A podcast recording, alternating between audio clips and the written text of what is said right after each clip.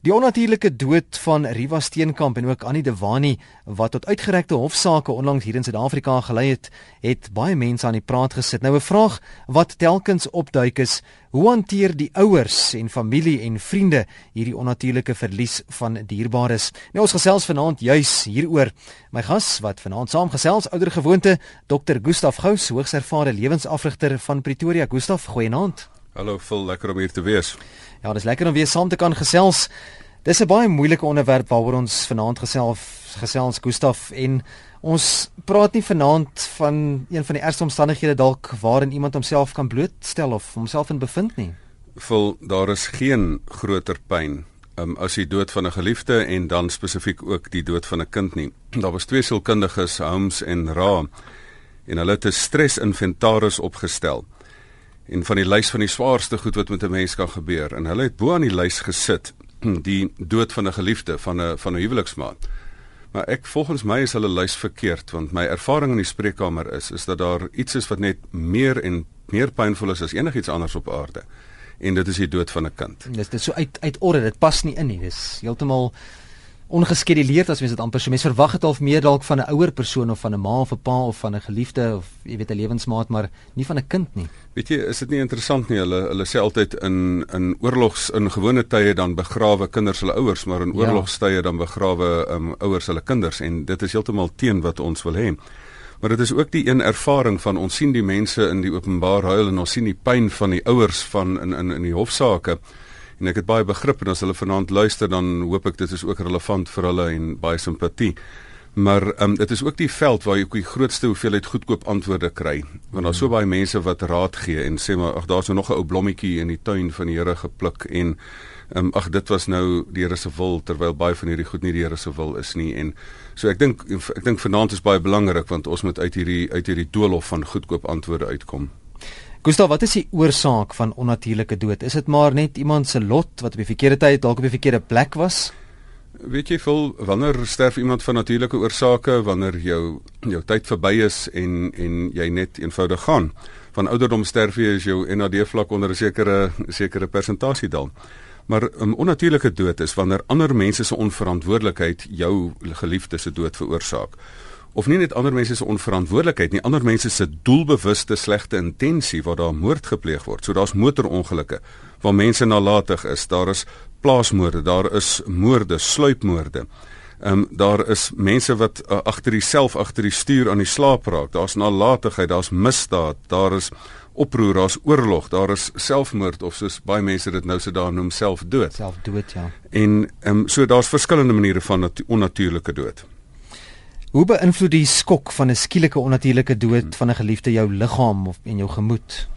Ehm um, vol die trauma daarvan is, is skrikwekkend. Mense kan tot op die oomblik onthou wanneer hulle die nuus gehoor het wat so iets gebeur het dat jou hele wêreld krummel in een as dit iemand is vir wie jy baie lief is. Ehm um, jy het 'n geprojekteerde toekoms gehad saam met daardie persoon en dan skielik is jou toekoms nie meer wat hy was nie. So dit is dit het enorme fisiese fisiese kan jou liggaam in 'n skoktoestand in en emosioneel is dit totale emosionele trauma. Hoe kan iemand wat 'n geliefde aan 'n onnatuurlike dood afgestaan het dit verwerk?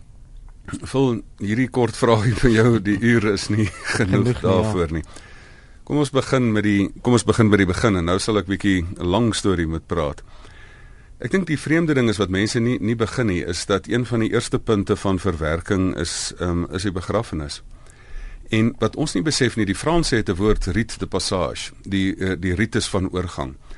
En dit is interessant asof ons as mense wanneer daar die groot oorgange is in die lewe wat ons moet moet doen, wat ons moet ontwerp, het ons het ons rituele ontwerp wat wat jy dan probeer om dit vir jou um, bevatlik te maak. Want jou brein sien dat iemand dood is maar in jou hart wil jy dit nie aanvaar nie. Jy ontken dit nog. En dit is hoekom mense wat nie die oorskot van 'n geliefde kan begrawe nie amper af, asof hulle nie kan um, um afstand kry of finaliteit kry oor daardie saak nie. So die begrafnis is 'n is 'n verskriklike belangrike ritueel wat jy dan eintlik vir die persoon dan dis die beginpunt wat jy vir iemand tot sien sê en dat jy die finaliteit daarvan besef maar wat ook in die ritueel mooi ingewerk is wat ek so so mooi um, hou van van die rituele wat ek ken is dat wanneer die kus baie keer in die graf insak dan sê mense die geloofsbelijdenis dan sê maar ek glo in die opstanding uit die dode dat dit amper teen alles wat jy nou sien, die dood is hier. Protesteer jy daarteen sê maar hierdie dood is net 'n poort, dit is nie die finale woord nie. Hier is iets hierna. So iets van daai ritueel is belangrik. Wat wat wel waar is, ons um, in die westerse rituele is eintlik bietjie arm. Ek dink ons kan baie leer by by Afrika en by by um Oos-Europese rituele en dis meer wat mense dit baie meer belangrik maak um wat die familie bymekaar kom, maar dan ook vir die verwerking daarvan. Ek dink die eerste jaar na um die dood van 'n geliefde is verskriklik moeilik. Mense vra altyd vir my, Gustav, wat is die vinnigste kortste tyd wat 'n mens dinge kan verwerk? Jy kan hierdie ding nie verwerk in korter as 12 maande nie. Veral omdat dit dit gaan die eerste Kersfees wees wat jy alleen is sonder daai persoon. Dit gaan die eerste verjaarsdag wees wanneer wanneer mense nog op Facebook sien hoe hierdie persoon verjaar en dat daai persoon is nie meer daar nie. Ek het Facebook vriende wat ek sien dan kom hulle verjaarsdag nog op en dan besef ek hulle leef nie meer nie. Ehm um, dan dan is dit die eerste dit en die eerste dat. In in interessant genoeg in die, in die ou tye, hoekom het hulle in die ou tye gevra dat mense swart klere dra vir 'n jaar lank in sekere kulture? Dit is amper asof hulle onbewustelik besef het, maar daar is 'n jaarlange tydperk wat jy jou gaan emosioneel vasloop in hierdie en hierdie en moeilike tye. Maar dit is nie asof jy moet wag daarvoor nie. Jy kan as jy proaktief dit ook doen. Ehm um, dat jy baie keer gaan na plekke toe. Mens moenie gaan pyn soek nie, maar jy moet gaan na plekke toe waar jy laas met hierdie persoon was en amper gaan tot sien sê en gaan sit hier en sê maar hier was ek sta, saam en jy moet jou hart uithuil op daai plek en en want volgende keer as jy daar kom, dan gaan jy besef daar's 'n stukkie afstand, daar's 'n stukkie treur daartussen. Ehm um, so mens moet jou huile huil. Ehm um, maar dan die ander belangrike ding is die derde ding is jy moet dit ook baie mooi verpak. Wat mense wat mense wat daar deurkom doen is hulle vat byvoorbeeld die die hoofstuk wat hierdie persoon deel van jou lewe was en hulle verpak dit. Het sy in 'n fotoalbum, het sy dat hulle klein kinderkleertjies in 'n mooi kult of 'n ding inwerk, het sy dat hulle dat hulle letterlik die die die album maak, die hoofstuk skryf en die punt agter sit. Waar mense wel vashak is soos die koningin van Engeland van jare terug, koning Victoria, byvoorbeeld toe haar man gesterf het het sy het het het, het alles gevries. Hulle het gesê daar waar hy sy bril die laaste keer gesit het, hulle het nie sy het nie eers sy kamer opgeruim nie. So daai verpakking is jy moet die klerekas gaan leegpak. Wat verskriklike moeilike dinge is. Hierdie is nie maklike goeders nie, vol. En en maar as jy dit nie doen nie, dan dan hak jy vas. En en dan moet 'n mens ook um herinnerings, dit is 'n vreemde ding van jy moet ook die persoon se lewe vier. Dit is amper amper is soos die Engelse sê celebration. Jy moet ook herinneringsvieringe kry wat ek net wel vir mense teen waarsku is. As jy dan die persoon se lewe wil vier, hoekom hoekom vier jy die sterfdag asof jy daai trauma weer oor en oor wil beleef? Hoekom vier jy nie eerder die geboortedag nie? So, ek dink daar is baie van hierdie dinge wat 'n mens kan doen om hierdie dinge te verwerk, maar ek het nou in 'n kort rukkie baie gesê, net om dit te doen gaan al 'n jaar vat vir mense om te doen. Is hy geskakel op RSG 100 tot 104 FM die program se naam Fix vir die lewe. Ek is verloots en saam met my ateljee dokter Gustaf Gous. Ons gesels vanaand oor hoe hanteer ouers, familie en vriende onnatuurlike verlies van 'n dierbare, baie moeilike situasie en jy kan saamgesels 3343 dis die SMS nommer R1.50 e-posse deur middel van ons webblad rsg.co.za oproepe 089 1104553 jy kan 'n vraag vra of jy kan 'n stelling maak net soos wat jy wil. Jy kan ook anoniem bly as jy verkies om dit so te doen. Hier's ook iemand wat ge-SMS het Gustaf en ons het dit so vlugtig net genoem in die begin ook het jy ehm um, so kant langs daarna verwys. Die persoon sê dit is nie die wil van die Here nie. As ons praat van 'n onnatuurlike verlies van 'n dierbare, jy het so vinnig daaraan geraak. Ja. Ek dink baie keer wat mense nie verstaan nie is hulle hulle probeer um, 'n um, geestelike sousie daaroor gooi en net sê dit is die wil van die Here. Weet jy dit is nie die wil van die Here dat kinders seer kry nie. Dit is nie die wil van die Here dat mense vermoor word nie. Ehm um, die oorwinning waarin Christene leef moet mense baie reg verstaan. Dit is dat enigiets wat met jou gebeur word, kan jy van hierdie verleentheid 'n geleentheid maak, maar jy moenie iets wat sleg is probeer vergoeilik deur 'n Christelike sousie daaroor te gooi nie dit is totaal en al verkeerd die moord en die doodslag en die dinge wat gebeur en die onverantwoordelikheid wat ander mense met jou geliefdes se lewe omgaan nie. So dit is nie die wil van die Here nie. Maar dat die Here in hierdie situasie jou kan ontmoet, daar kan wees vir jou hierdie ding kan omkeer en dat daar op 'n vreemde, unieke manier selfs iets goeds daaruit kan voortkom. Um, dit is wel moontlik, maar dat is die slegte die wil van die Here? Nee, dit is nie. Gustav het kom dikwels voor asof 'n onnatuurlike dood, ons praat nou van goed soos motorongelukke, moord, selfdood, ons het 'n paar van die aspekte reeds aangeraak, meer trauma veroorsaak as 'n natuurlike dood.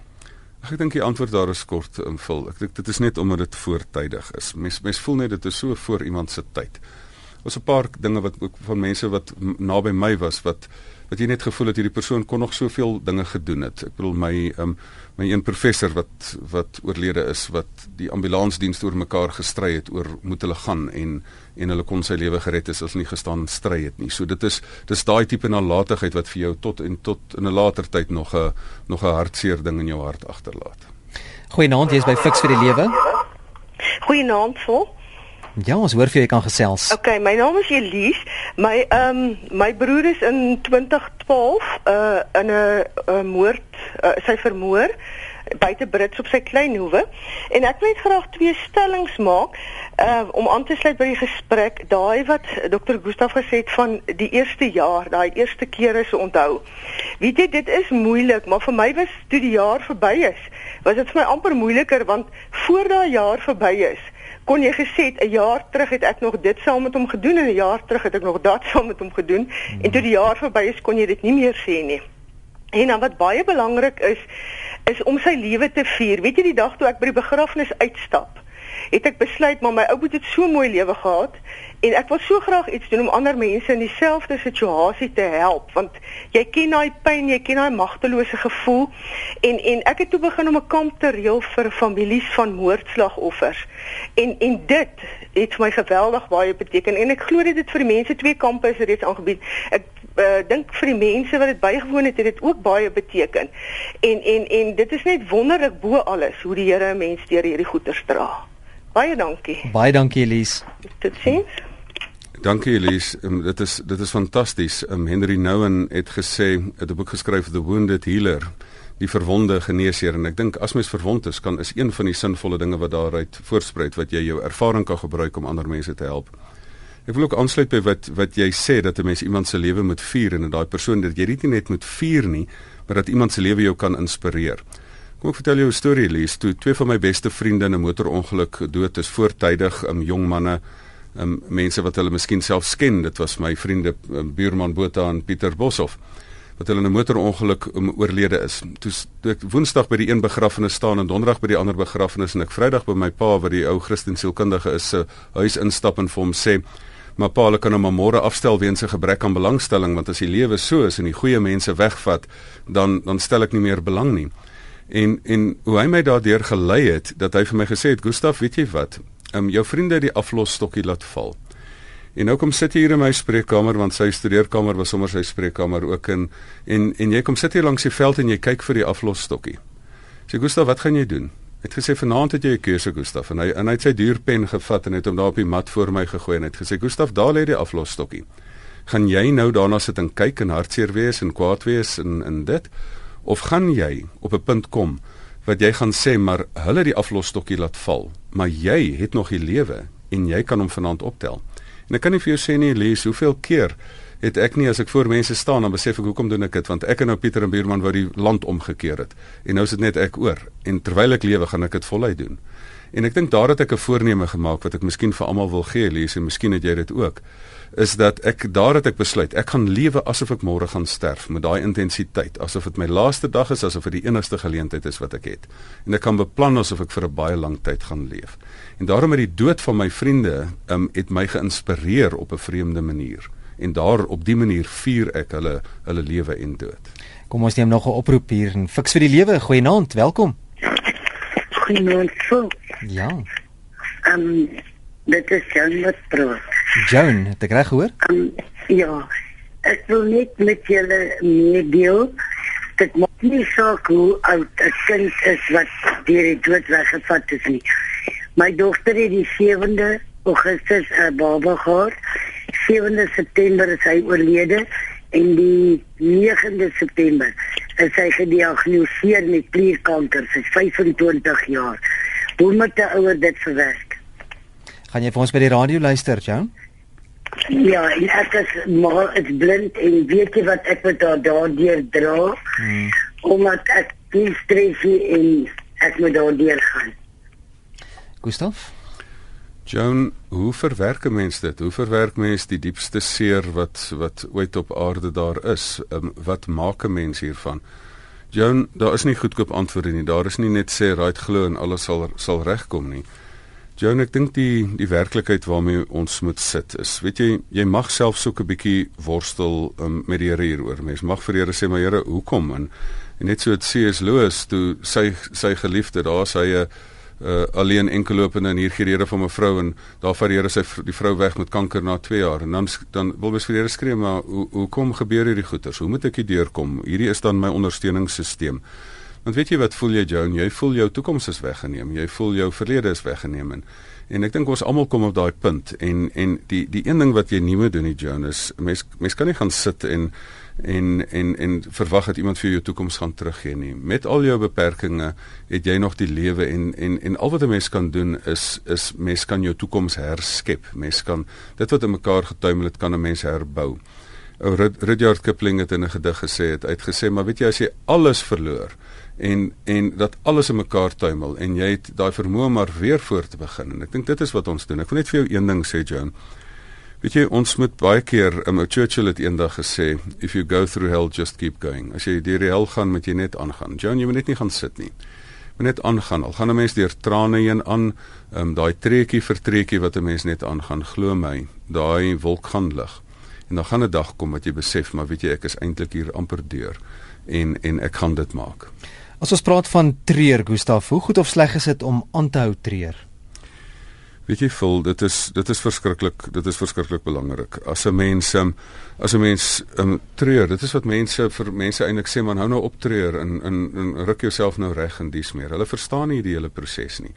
Treur is die totsiense manier wat jy vir iemand het. Treur is daai ding wat jy in die privaatheid kan doen en in die openbaar kan doen. Ehm um, so ek dink daar moet 'n mens beslis moet moet jy moet jy treur en jy moet treur, maar jy moenie treur soos iemand wat nie getroos kan word nie. En ek dink dit is die punt wat 'n mens moet ehm um, moet ook moet doen. Jy moet ook nie jou jou emosies met medikasie doodmaak nie. Want as jy nie deur daai treurproses gaan nie en en weghardloop van jou gevoelens. Ek dink die die ding wat ons vir mekaar moet sê is jy moenie gevoelens ehm um, verdring nie jy moet toelaat, jy moet jy moet die pyn deur jou laat gaan want as jy dit nie deur laat gaan nie, gaan dit nie verwerk kan word nie.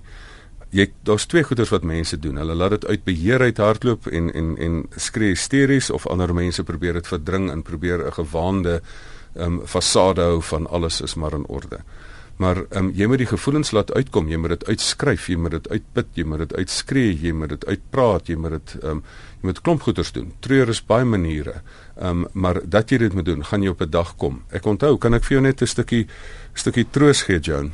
Daar was ook 'n tyd in my lewe wat ek wat ek baie hartseer was en daar was hierdie liedjie van Natalie Cole van I miss you like crazy. En die eerste keer het ek hom hoor, toe ek deur 'n moeilike tyd gaan na barse kan trane uit en vir die tweede keer barse kan trane uit en na die 23ste keer het ek nog gehuil. Maar weet jy die 24ste keer het ek toe kom ek agter ek luister na die liedjie en ek huil nie meer nie. Hmm.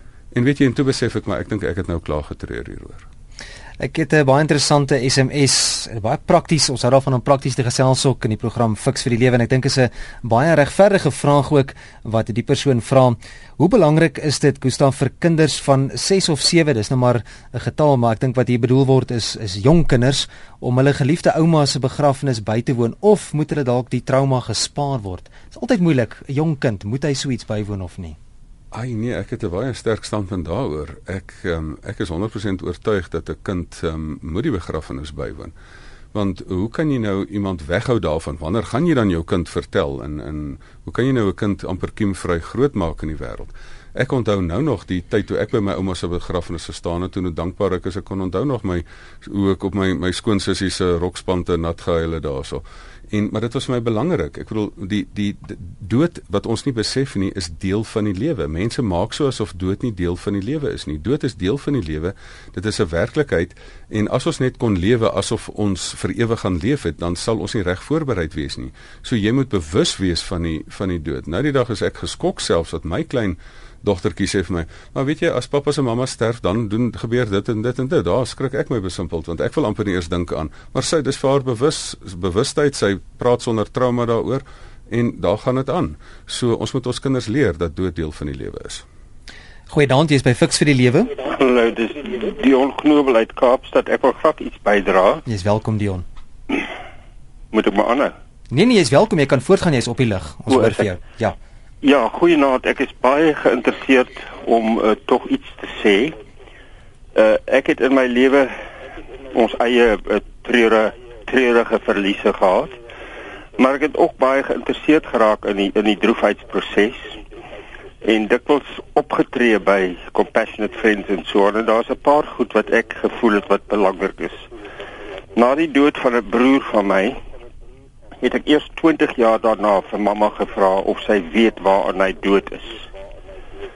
Sy sê sy het altyd gedog hy selfmoord gepleeg. Sy sê nee, hy's dood in 'n kliniek toe hy baie siek was aan bipolêr en weens die medikasie sy asemhalingssenter onderdruk. Toe vra ek vir haar hoe mamma oor sy dood gekom. Sê sy my boet, 'n ouer kom nooit oor die dood van 'n kind nie. Dis asof hulle 'n arm of been afskeur sonder narkose. Dit groei nooit weer aan nie. Maar jy leer om jou gebrek saam te leef. Nou ek het begin besef dat hierdie ding is baie belangrik om vir mense te sê Moenie begin skuldig voel as jy binne-in nie daaroor kan kom nie. Leer om daarmee saam te leef moenie luister na mense wat sê maar druk jouself reg, dit is nou 10 jaar, dis 5 jaar, wat ook al. So ek dink dit is belangrik dat mense nie later moet skuldig voel omdat hulle nie oor hulle droefheid kom nie. Dan wat kinders betref, ek stem 100% saam dat hulle moet deel wees van die hele proses. Uh ek het ervaring van by een, ek dink dit was my my pa se begrafnis, was die kleinkinders weggehou En later, toe daar 'n ander familielid dood is, het die kleinkinders saamgegaan om die graf op die plaas bymekaar gekom, gekyk hoe die kus sak en vir hulle was dit 'n opvoeding. Mm. Dan 'n derde ding, baie jare gelede het 'n vrou haar man dood uh, vermoor deur hom met 'n kruisboog deur die kop te skiet. Ek gaan nie in detail aan nie, maar sy dogter het na die ding kriminologie gaan studeer en ek het haar onlangs weer kontak gehad met haar. Wat doen sy nou? Sy besoek nou gevangenisse en praat met mense wat weens moord in die tronk sit. En probeer vir hulle verduidelik wat hulle aan die familie gedoen het. Wie se pa of wie ook al weg is. En sy sê sy het ongelooflike reaksie van die mense gekry. Wat wat skielik besef wat dit is as jy 'n persoon verloor nadat hy vermoor is. So dis eintlik al wat ek wou sê. Ek hoop dit help vir iemand dalk. Dion baie baie dankie vir daardie bydrae. Gustaf gaan nou daarop reageer. Dankie. Dankie Dion. Ek dink die laaste geval is is 'n pragtige voorbeeld van die dame wat dit 'n mens nie gedefinieer word deur dit wat met jou gebeur nie, maar dat jy amper geïnspireer word daardeur en dat sy hierdie geleentheid gebruik het om 'n lewensrigting ook aan haar te gee en dan vir ander mense ander mense te help. So ek dink dit is dit is um dit is baie belangrik en dankie vir jou bydrae.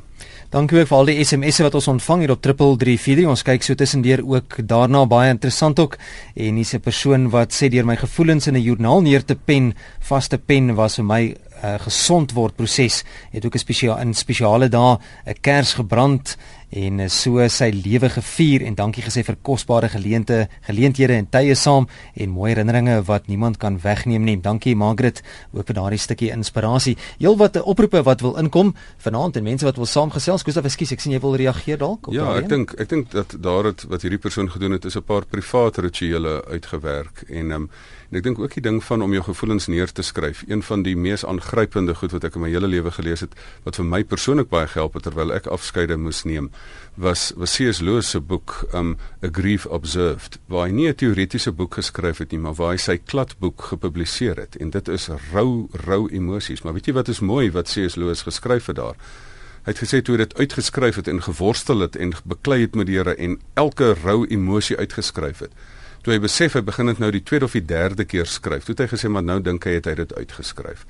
En ek dink dit gaan ook daai punt wees dat jy gaan skryf en skryf en skryf en nou besef jy maar nou is alles uit. Ek sien dis tog 'n luisteraar wat presies dit ook beamoen van my kind se oor 2 weke in huwelik getree het en toe gesterf in 'n motorongeluk. Ons het voorberei vir 'n huwelik en toe is dit 'n begrafnis. Ek het baie daaroor geskryf om dit te kan verwerk. As jy wil saamgesels vanaand, ons gesels oor hoe mense dit hanteer, ouers, familie, vriende as iemand naby aan jou aan onnatuurlike maniere gesterf het en hoe jy dit kan hanteer. Gesels saam 3343, dis die SMS nommer. Ek sien dis heelwat oproepe wat wil inkom 089 1104553. Hier is gee fiks vir die lewe. Goeienaand. Goeienaand vir Lieselot, hoe gaan dit? Haai, goed en jy, Liesel? Aan die gang, aan die gang. Ehm um, julle gesprek interesseer my geweldig, ehm um, want dit lê my baie na in die hart. Ek het ehm um, die 19de April hierdie jaar het ek 'n baie goeie vriend van my verloor aan selfmoord. En ek het nog nooit iemand voor my sien doodgaan nie en dit was die eerste keer in my lewe wat ek wat ek iemand gesien doodgaan het voor my. Sure. Weet jy en die, die ergste is ek ek kan nie daaroor kom nie. Almal sê vir my kom daaroor, ek jouself reg. Ehm um, mm. vergeet daarvan. Hy is in 'n beter plek en en al daai dinge, maar weet jy dit is soos 'n 'n uh, uh, play en rewind, 'n knoppie wat jy die hele tyd druk. Uh ek sien hom en dan sien ek hom voor my en dan hoor ek hom praat en dit is asof ek wil hê ek meen ek stuur nou nog vir WhatsApp boodskappe en SMS's asof ek wil hê hy moet hy moet my antwoord en ek kan nie vrede maak daarmee nie. Dit is vir my verskriklik hartseer en die mense met wie ek omgaan en vir wie wie dit nou weet en wie 'n bewus is daarvan sê net maar dit dit kom reg. Vergeet daarvan uh, moet nie daaraan dink nie maar ek kan nie ophou daaraan dink nie. Dit dit want hy het ook bipolêr gehad en ek het ook bipolêr en ons het baie ooreenkomste en ons kom met mekaar gepraat het. Ons het goed gedeel. Ehm um, daar was 'n dag wat verby gegaan het wat ons nie met mekaar gepraat het en gesê het hoe ons voel nie. En net ewe skielik is hy weg en hy is nie meer daar nie. En en ek kan nie vrede maak daarmee nie. En ek huil ek huil my oor 'n mik elke liewe dag. Huil ek my ek hou my oor 'n mik dat ek moet 'n masker opsit en dit alles is fyn maar binnekant breek alles want ek mis ek mis hom verskriklik. Baie dankie vir jou bydrae. Dankie vol. Dankie lekker hand. Gustav ek wil dalk net hierby aansluit 'n paar woorde wat nou in my kop wat ek nou gehoor het. As mens kan dalk wrok, vergifnis, daai tipe van goed. Hoe gooi mens dit in hierdie hele kookpot as mens praat van 'n onnatuurlike dood? Vol weet jy, ek wil graag daai een van jou antwoord, maar ek wil net vir Liesel, Liesel net sê Liesel, ek kan verstaan dat alles in jou wese mis daai persoon. Veral as 'n mens, ek dink dit is ook as mens lief is vir iemand of 'n baie diep koneksie gehad het, dan is dit wat mens mis, maar en, en alles in jou stelsel wil dit eintlik ontken met ander woorde dat jy sê maar nee die persoon is nie weg nie en en ek wil selfs die geval wat ons nou gelees het van die van die mense wat in die in die in die graf 'n selfoon saamgestuur het en toe 'n uh, onverwagse traumatiese SMS gekry het hulle die nommer vir iemand gegee het wat onlangs in die nuus was. So ek dink die kern daarvan was is natuurlik alles wil ontken. So jou jou jou brein wil dit nie aanvaar nie. Die werklikheid word raak gesien maar in jou diep emosionele brein in jou neokorteks weet jy hy's weg. Jy was seker by sy begrafnis. Maar in jou limbiese brein wat die setel van emosies is, wil dit net nie aanvaar nie. Hy sê dit mag nie, dit dit kan nie so wees nie. Nou die vriende wat vir jou sê jy moet nou vergeet en alles sal regkom, dit is nou van die goedkoop ehm um, ehm um, raad wat ek na verwys het wat jy nie na moet luister nie. Jy moet dit nie vergeet nie, Liesel. En jy moet dit jy moet dit verwerk. Liesel, die werklikheid is Ehm um, jy sal in in 'n in 'n ritueel jou jou brein gaan dit nie self aanvaar nie. Jy sal dit met 'n ritueel sal jy dit moet moet moet vir jouself moet fasiliteer. Dat jy moet sê maar right, ek is weg, hy is nou weg, niks gaan hom terugbring nie en hier moet ek my brein dit aangewoond maak dat jy vir hom 'n totsiens sê ritueel vir jouself uitwerk wat jy sê maar dit is verby, dit is klaar en alles in jou gaan skree nee ek wil dit nie eers doen nie hoekom hoekom moet ek dit doen maar dit sal vir jou vir jou langtermyn heil sal dit sal dit die beste wees Liesel. So ek dink in in in jou geval Liesel gaan sit met iemand gaan gesels met iemand jy moet by iemand uitkom. Baie mense sê maar kan 'n mens sonder berading of sonder counselling hier deurkom? Gaan ek voel energie in jou stem, maar jy sal met iemand moet gaan gesels en jy sal met dit moet deurwerk want um, want mens kan nie vashak in 'n ontkenningsfase nie. Daar sal 'n aanvaardingsfase kom. Ek wil net vir jou een sê, een laaste ding sê, jy moenie vrede maak daarmee nie, want jy hoef nie vrede maak te, te maak daarin nie, maar jy kan sin skep daaruit. So dit is wat die fout wat mense maak. Jy wil vrede maak met 'n ding waarmee mense nie wil vrede maak nie. Moenie daarmee vrede maak nie. Protesteer daarteen, um, protesteer daarteen vir die res van jou lewe. Dis hoekom ek sê ons is protestant. maar jy moet sin skep daaruit en dit sal jy kan regkry. Voordat ons nog oproepe neem, Gustav, wil ek graag die vraag vra wat gaan oor vergifnis en oor wrok. Ons praat van onnatuurlike dood van 'n geliefde en dit beteken dat uh, daar 'n buite-element dalk by betrokke was of die persoon self wat dalk selfdood uh, veroorsaak het. Wat maak 'n mens in terme van vergifnis teenoor die persoon wat nou jou kind of jou familielid dalk se dood veroorsaak het of nou wil jy dalk 'n wrok koester teenoor die persoon? Hoe hanteer mens dit? Vol, dit is belangrik want as dit gaan oor die onnatuurlike dood van 'n geliefde, dan kom daar nou nog 'n ekstra element in. Dit is soos 'n dubbele golf wat jou slaan. En ek dink daardie ekstra element is dat jy besef maar daar's 'n persoon wat jy eintlik kwaliek neem hiervoor. Ja, Dis iemand wat ja. jou wat onverantwoordelik was of doelbewus um, iets verkeerd gedoen het. En dan die een van die goedkoop antwoorde is is um, ja, jy moet vergewe die persoon sommer dadelik en gaan net aan. En en ek dink dit vervlak um vergifnis tot tot dit wat dit nie is nie. Vergifnis in my boek is nie 'n beginpunt nie, dit is 'n eindpunt. Vergifnis is 'n ding wat jy wat jy by 'n punt by kom uitkom wanneer jy al die emosies deurgewerk het en en vergifnis is nie om 'n tafeldoek te gooi oor ongewaste skottelgoed nie. Vergifnis is om daai emosies te vat, te erken, bord vir bord te was en dan by 'n skoon tafeldoek uit te kom. Wat mense ook nie verstaan van vergifnis nie is um die deurbraak kom gewoonlik as mense sê maar luister ek wil daardie persoon haat hierdie persoon het die broodwinner weggeneem hierdie persoon het my geliefde geweld aangedoen um, ek dink die en en ek is getraumatiseer en ek gaan nie dit los nie en en dis meer dit is wat mense sê maar die deurbraak kom wanneer mense ontdek en nou moet mense mooi luister dat vergifnis die aggressiefste ding is wat jy aan 'n gewelddenaar kan doen. Want hierdie persoon het jou geweld aangedoen. En iemand wat jou geweld aandoen met slegte intensie wil eintlik jou gemoed terroriseer wil eintlik in jou gemoed 'n plekkie hê om jou permanent te terroriseer Ek sê altyd vir mense, sal jy toelaat as jy dit as jy dit kon keer dat jou geliefde vermoor word? Dan sê hulle nee, natuurlik nie. Dan sê ek, maar hoekom laat jy toe dat die persoon elke dag in jou kop vermoor word? En dit is wat ek ook vir Liesel wil sê. Hoekom laat jy toe dat dit elke dag oor in jou kop oor en oor afspeel? Um, ek dink vergifnis is daar dat jy vir iemand sê dat ek kan nie vir jou ruimte in my gedagtewêreld gee nie. Vergifnis is om iemand uit jou gedagtes uit te skuif. Dit ontneem die gewelddenaar die krag oor jou. Ek dink die hele kwessie van haat is is 'n ander ding. Mense sê nee nee nee nee nee nee, jy kan nie hierdie haat van my wegneem. Hierdie haat dryf my en dit is inspireer my en ek gaan hierdie persoon terugkry en en wat ook al gebeur. Ek sê weet jy om haat te koester teenoor 'n ander persoon. Daai persoon as die persoon dalk nie gevang is nie, is besig om iemand anders geweld aan te doen elders. Nou haat is, is om gif te drink om die ander persoon skade aan te doen. 'n haat is iets wat verterend in jou binneste is. Dit is soos om om iemand anders um, om dit is om suur te drink om ander mense seer te maak. So haat moet jy nie in jou binneste toelaat nie. Die manier hoe jy daarvan ontslaa raak is vergifnis dat jy jou gemoed skoon kry. Um, want deur vergifnis ontneem jy ook die gewelddenaar beheer oor jou. Wil jy deur daardie persoon vir die res van jou lewe beheer word in jou gedagtes en jou gemoed? Nee. Vergifnis maak jou gedagtes skoon. Dit is een van die beste goeders wat 'n mens kan doen. Maar dan die laaste ding is, eerste ding is nie 'n beginpunt nie, tweede ding, dit is die aggressiefste ding wat jy teen iemand kan doen want jy maak jou gedagtes skoon en jy ontneem daai persoon sy manipulasie mag oor jou. Maar die derde ding is wat mense nie verstaan nie, is dat vergifnis is 'n is 'n is primêre interne proses en nie 'n 'n 'n tussenin proses nie.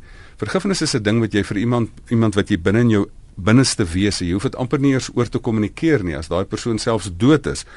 Ehm um, kan jy dit nie aan daai persoon kommunikeer nie. Dit is 'n interne proses wat jy in jouself en jou binneste uitwerk. So ek dink dit is die kern van um, dit is die kern van vergifnis en wrok en dies meer. Die nommer in die ateljee, ek sien ons luisteraars wil saamgesels, die liggies flikker 0891104553 0891104553. Fiks vir die lewe goeie naand. Vol. Goeienaand. Dis 'n braam wat praat. Vol. Ek wil net vir jou vertel, ek het 21 jaar na my vrou gekyk, sy het bipolêre depressie gehad. Ons was 52 jaar getroud en sy's in my arms dood. En was dit nie vir ons hemelse Vader en hierdie pastoor van ons nie, dan weet ek nie waar was ek gewees nie, want ek was ten gronde in die diepste gat wat daar was was ek vandag as ek 'n mens en ek kyk op en ek het vrede gemaak ek vergeet nie maar hmm. ek gaan aan met my lewe baie baie dankie dankie vir daardie bydrae Bram, miskien het jy ontdek wat ehm um, wat baie mense nog moet ontdek en dit is wat in Romeine 8 vers 38 staan. Ek dink ons onderskat baie keer daardie teks dat jy besef maar maar in 'n tyd wat jou geliefde jou verlaat, dan dan hoef jy nie God verlate te wees nie. Daar staan geen dood of geen lewe of geen hoogte of geen diepte of of niks kan my skei van die liefde van Christus nie. En ek dink dit is miskien een van die belangrikste dinge wat 'n mens ontdek. En as die persoon weg het, die persoon se teenwoordigheid is met, is nie eers meer daar nie en alle mense se woorde te min is. Ek sê altyd in so 'n situasie is al die woorde te min en een woord is te veel, um, veral die verkeerde woord. Maar die Here se teenwoordigheid um, is alles. En ek dink iets daarvan lyk vir my het jy beleef, Bram. Er is geen goeie Uh, Goeienaand, uh, dis Rika hier. Ehm um, ons het ook gesien verloor toe hy uh, 21 was. En uh, ek stem saam dat daar niks eintlik erger is as om jou kind te verloor nie. En ek stem ook saam dat 'n mens moenie iemand troos deur deur te sê ehm uh, dis ou uh, jou mooiste engeltjie wat jy kom haal het en ons voel saam met jou. Ek voel hulle hulle kan nie saam met jou voel iemand wat nie ondervinding het kan nie saam met jou praat nie. Sê maar eerder niks en gee die persoon net te druk en so nie. Maar dan wil ek vir iets interessant vertel. Toe ons nou sien oor leerders toe sê die dominee vir ons ons is omtrent seker so 4 5 ouers wat in daai selfde tyd hulle kinders verloor het. Toe sê die dominee vir ons maar ons moet ehm uh, by mekaar kom graag so uh, by die kerk en dan moet ons praat en gesels vir mekaar verskillende vrae en so vra en voel laat elkeen sê hoe hy dit self ondervind het. En ehm um, dit is ook nou so gesê dat gaan ons nou so in die kring om die paas en die maas en ehm um, en dan sê elkeen nou iets hoe hy dit ondervind het en toe hulle nou by my kom toe sê ek ja ek uh, voel ook soos julle almal sê maar wat vir my verskriklik pla is dat uh, ek uh, almal voel almekaar so bedreig. Ek ek sê net elke keer vir die Here ag Vader asseblief laat iemand tog net nie nou gou weer van my uh, sterf nie. Al uh, is dit ook al is dit ook iemand wat by my werk of al is dit 'n oupa of ouma maar laat dit tog net nie gou hy moet my net 'n tydjie gee hy nie gou weer iemand van my nie. En toe sê een van die vrouens wat ook hulle kinders verloor het toe sê sy vir my Marika uh, wie dink jy is jy dat uh, die Here nou nie iemand van jou moet vat nie? Hoe kan jy nou vir die Here sê hy moenie iemand van jou vat nie? En dit het vir my verskriklik geruk. Ek het gedink, "Jenne, hoe kan die vrou vir my so iets sê?" En uh maar ek het dadelik ook uh besef agterna, ek was toe so geskok dat ek stil was, maar agterna voel ek dit was eintlik my redding. Dit was mhm. eintlik uh wat sy moes vir my gesê het.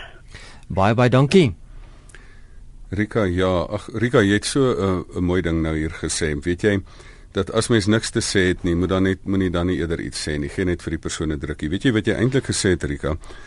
Is jy het so ondersteun wat al die mense wat wat oor treur praat, um hieroor sê. Weet jy as jy as jy met treur dan is die eerste ding wat jy vir mense moet gee, moenie vir mense woorde gee nie, gee vir mense teenwoordigheid want in daai intense oomblik van verlies is al die woorde te min, maar die teenwoordigheid is is is baie belangrik. Maar maar as ons miskien ook praat vol oor die oor die fases van van treur. Miskien moet ons net sê as mense treur, moet 'n met 'n mens en mense haak vas in die treurproses en dit is wat 'n belangrike punt wat ons vanaand moet maak. Die eerste fase is is dat jy het intense verlies en dan moet jy dan moet jy treur en ons het daaroor gesels. Maar dan het jy 'n twyfelfase, dat jy amper 'n strydfase, dit is 'n amper 'n aggressiewe fase. En en wat moet jy gee in die treurfase? Jy moet vir 'n persoon teenwoordigheid gee, maar wat moet jy wat moet jy gee in die in die in die twyfelfase, in die beklei fase? Jy moet eintlik vir iemand feite gee, moet eintlik vir iemand insig gee, moet eintlik vir iemand sê maar weet jy, ehm um, dit is die situasie. Die persoon gaan nie terugkom nie. Die harde werklikheid is ons leef in 'n wêreld waar hierdie goeters nie verhoed word nie. Ons leef in 'n wêreld waar waar die die onkruid en die slegte goeters saam met die goeie goed leef. En ek dink en, en en dit is die harde werklikheid en dit is wat Liesel ook moet besef. Iemand moet vir die feite gee en sê Liesel is nie meer daar nie. Ons moet ons moet aanstap. Ehm um, en die insig wat mense ook moet gee is dat daar nie haat moet wees nie. Daar moet nie haat gekoester word nie. Maar dan is daar 'n ongemaksfase want na die twyfel en, en na die verlies en na die twyfel is daar ongemak. Hoe gaan ek nou sonder hierdie persoon leef? En in daai fase met die mense wat rondom daai persoon is vir die persoon eintlik 'n um, ondersteuning gee en, en eintlik help hom bietjie die die stres te hanteer. Maar in daai ongemak dan verlang mense weer so terug na as daardie persoon net weer terugkom en dit is waar in plaas van om die vierde stap te neem na na die ontdekking van Romeine 8 van daar is lewe na enigiets um, um, hak die mense vas van van verlies, um, twyfel, ongemak, verlies, twyfel, ongemak en dan sit so 1 2 3, 1 2 3 en ek noem dit die hartseervals. En dit is waar mense begin spin en dan vashak in die treursiklus. In plaas daarvan dat jy dan een tree oorgaan en dat jy van die ongemak oorgaan en sê weet jy daar is lewe na enigiets, selfs die dood van van die persoon wat vir die liefste was of my kind en en dat jy dan later dan uh, besef maar daar die feit dat ek nog lewe, die feit dat ek nog die graf kan sien, is 'n teken waarvan. Die graf is nie 'n teken van die dood nie, die graf is 'n teken van lewe, want die feit dat ek jou graf kan sien, is 'n teken dat ek nog lewe. En dan besef jy maar ek kan en ek verstaan dat dood deel van die lewe is en dan integreer jy dit in jou lewe en jy leef met daardie nuwe werklikheid saam. Die belangrikste is net dat 'n mens die gevaarsone net moet oorsteek, dat jy nie moet in daai 1 2 3 hartseer wals moet vashak nie, maar dat jy moet besef Romeine 8 daar is lewe na enigiets en dat jy dit dan begin leef en integreer in jou lewe. Gustav ons tyd vanaand is net eenvoudig te min. Ek dink ons gaan definitief 'n opvolggesprek hieroor moet hê. As ek so kyk na die SMS'e wat ingekom het, heelwat van hulle na soveel hartseer, soveel vrae wat ook gevra word en uh, Sandra onder andere vra hoe skep 'n mens sin uit die dood van die liefde van jou lewe? Nog 'n persoon wat sê my vriendin se dogter het gif gedrink. Hoe help ek haar? Sy's plat geslaan. Goeienaand, ek het tussen 2010 en 14 my drie kinders en my man verloor. Dit is verskriklik. Ek wil raad hê, ek en my vroutjie was 48 jaar getroud, sy 66 jaar, ek was 70. Ons het mekaar 54 jaar geken en ons het vir mekaar gelewe. Gelewe, hoe verwerk ek dit? Jy weet, dis vir frik wat dit vra. Heelwat hartseer, heelwat vra. Dion uit die Kaap het nog 'n paar bydraes hier te lewer. 'n uh, persoon ook wat 'n bydrae lewer oor die kindjie seentjie van 3 jaar wat die begrafnis bygewoon het waar ons vroeër vanaand gepraat het. Ongelukkig kan ons nie by alles uitkom vanaand nie. Die telefoonlyne wil nie wel ophou gons nie, maar ons moet ongelukkig of vanaand se gesprek saamvat, Gustaf. So in 'n paar sinne, ons het so 'n minuut, 2 minute om vanaand se gesprek saam te vat. Vol, ek wil net sê, ek wil ek kan by elk van daardie vir hoeveel jare in die spreekkamer het ek het, het, het kan ek veel nog meer daarvan byvoeg van 'n kind wat net vir 23 uur geleef het en hoe neem mens afskeid van so 'n kind en wens dat jy langer by die kind was. So so die die die pyn is baie diep, maar nommer 1, ehm um, in jou diepste pyn um, is daar het jy nie woorde nodig nie maar die teenwoordigheid en en hoe mense dit ook al wil verwerp of nie aanvaar die teenwoordigheid van die Here in daai oomblik van pyn want dit is die Here wat wat langs jou gekruisig word. Hy verstaan iets van die pyn want weet julle besef julle dat dat Jesus Christus is onnatuurlik dood. Ja. en ek dink dit moet ons daar moet ons ook iets in sin vind. Hoe skep mens sin en ek wil daardeur net afsluit. Weet jy sin is nie iets wat jy sommer net 'n goedkoop antwoord gee nie. Sin is wat jy die harde werklikheid vat en jy sê maar weet jy ek lewe en wat gaan ek met hierdie situasie maak? Hoe gaan ek hierdie situasie gebruik om my nie plat te slaan nie, maar om vir my weer te laat opstaan en vir my te sê terwyl ek die lewe het. En weet jy dat jy vier die liefde wat daai mense vir jou gegee het, kan niemand wegneem nie. Maar dat jy besef mense is in jou lewe vir 'n tydperk en as dit 'n mooi hoofstuk mas was, verpak daai hoofstuk en die feit dat jy 'n nuwe hoofstuk het, is 'n tyd dat jy nuwe geskiedenis kan maak. So die sin wat jy kan vind is gebruik die lewe wat jy het om vorentoe te leef en die laaste ding is vir almal wat se geliefdes nog leef. Hê lief terwyl jy kan, want dit is makliker om iemand te troos wat voluit liefgehad en iemand verloor het as iemand wat geleenthede verspeel het. So kom ons dan aan die einde van vanaand se program Fix vir die lewe. Baie dankie vir jou ook as luisteraar vir al die SMS'e wat ons gekry het, die telefoonoproepe. Baie groot dankie ook aan my gas wat vanaand saamgesels het, Gustaf. Baie dankie. Ehm um, waar kan mense jou kontak as hulle wil verder gesels met jou? Mense is welkom om 'n e-pos te stuur na gustaf@gustafgous.co.za en gous is sonder 'n w. Gustaf by gustafgous.co.za. Jy is ook welkom om onderwerpe waaroor jy graag wil hê ons moet gesels in die program vir ons deur te stuur. Gebruik sommer my e-posadres vul by rsg.co.za en ek het ook vroeër navraag gekry het gesien op die SMS lyn. Luisteraars wat wil weet waar kan hulle weer na hierdie programme luister? Jy gaan net na RSG se webblad rsg.co.za onder pot gooi. Gaan soek jy net vir die program Fix vir die lewe. Dit is beskikbaar daar en jy kan dit ook daar gaan aflaai of nog makliker gaan maak 'n draai op Facebook en gaan like net ons Facebook webblad. Ons sal ook die program daar vir jou gaan oplaai skakel na RC se webblad toe sodra hy beskikbaar is en dan kan jy ook daar die nodige inligting kry en ook so verder met ons gesels.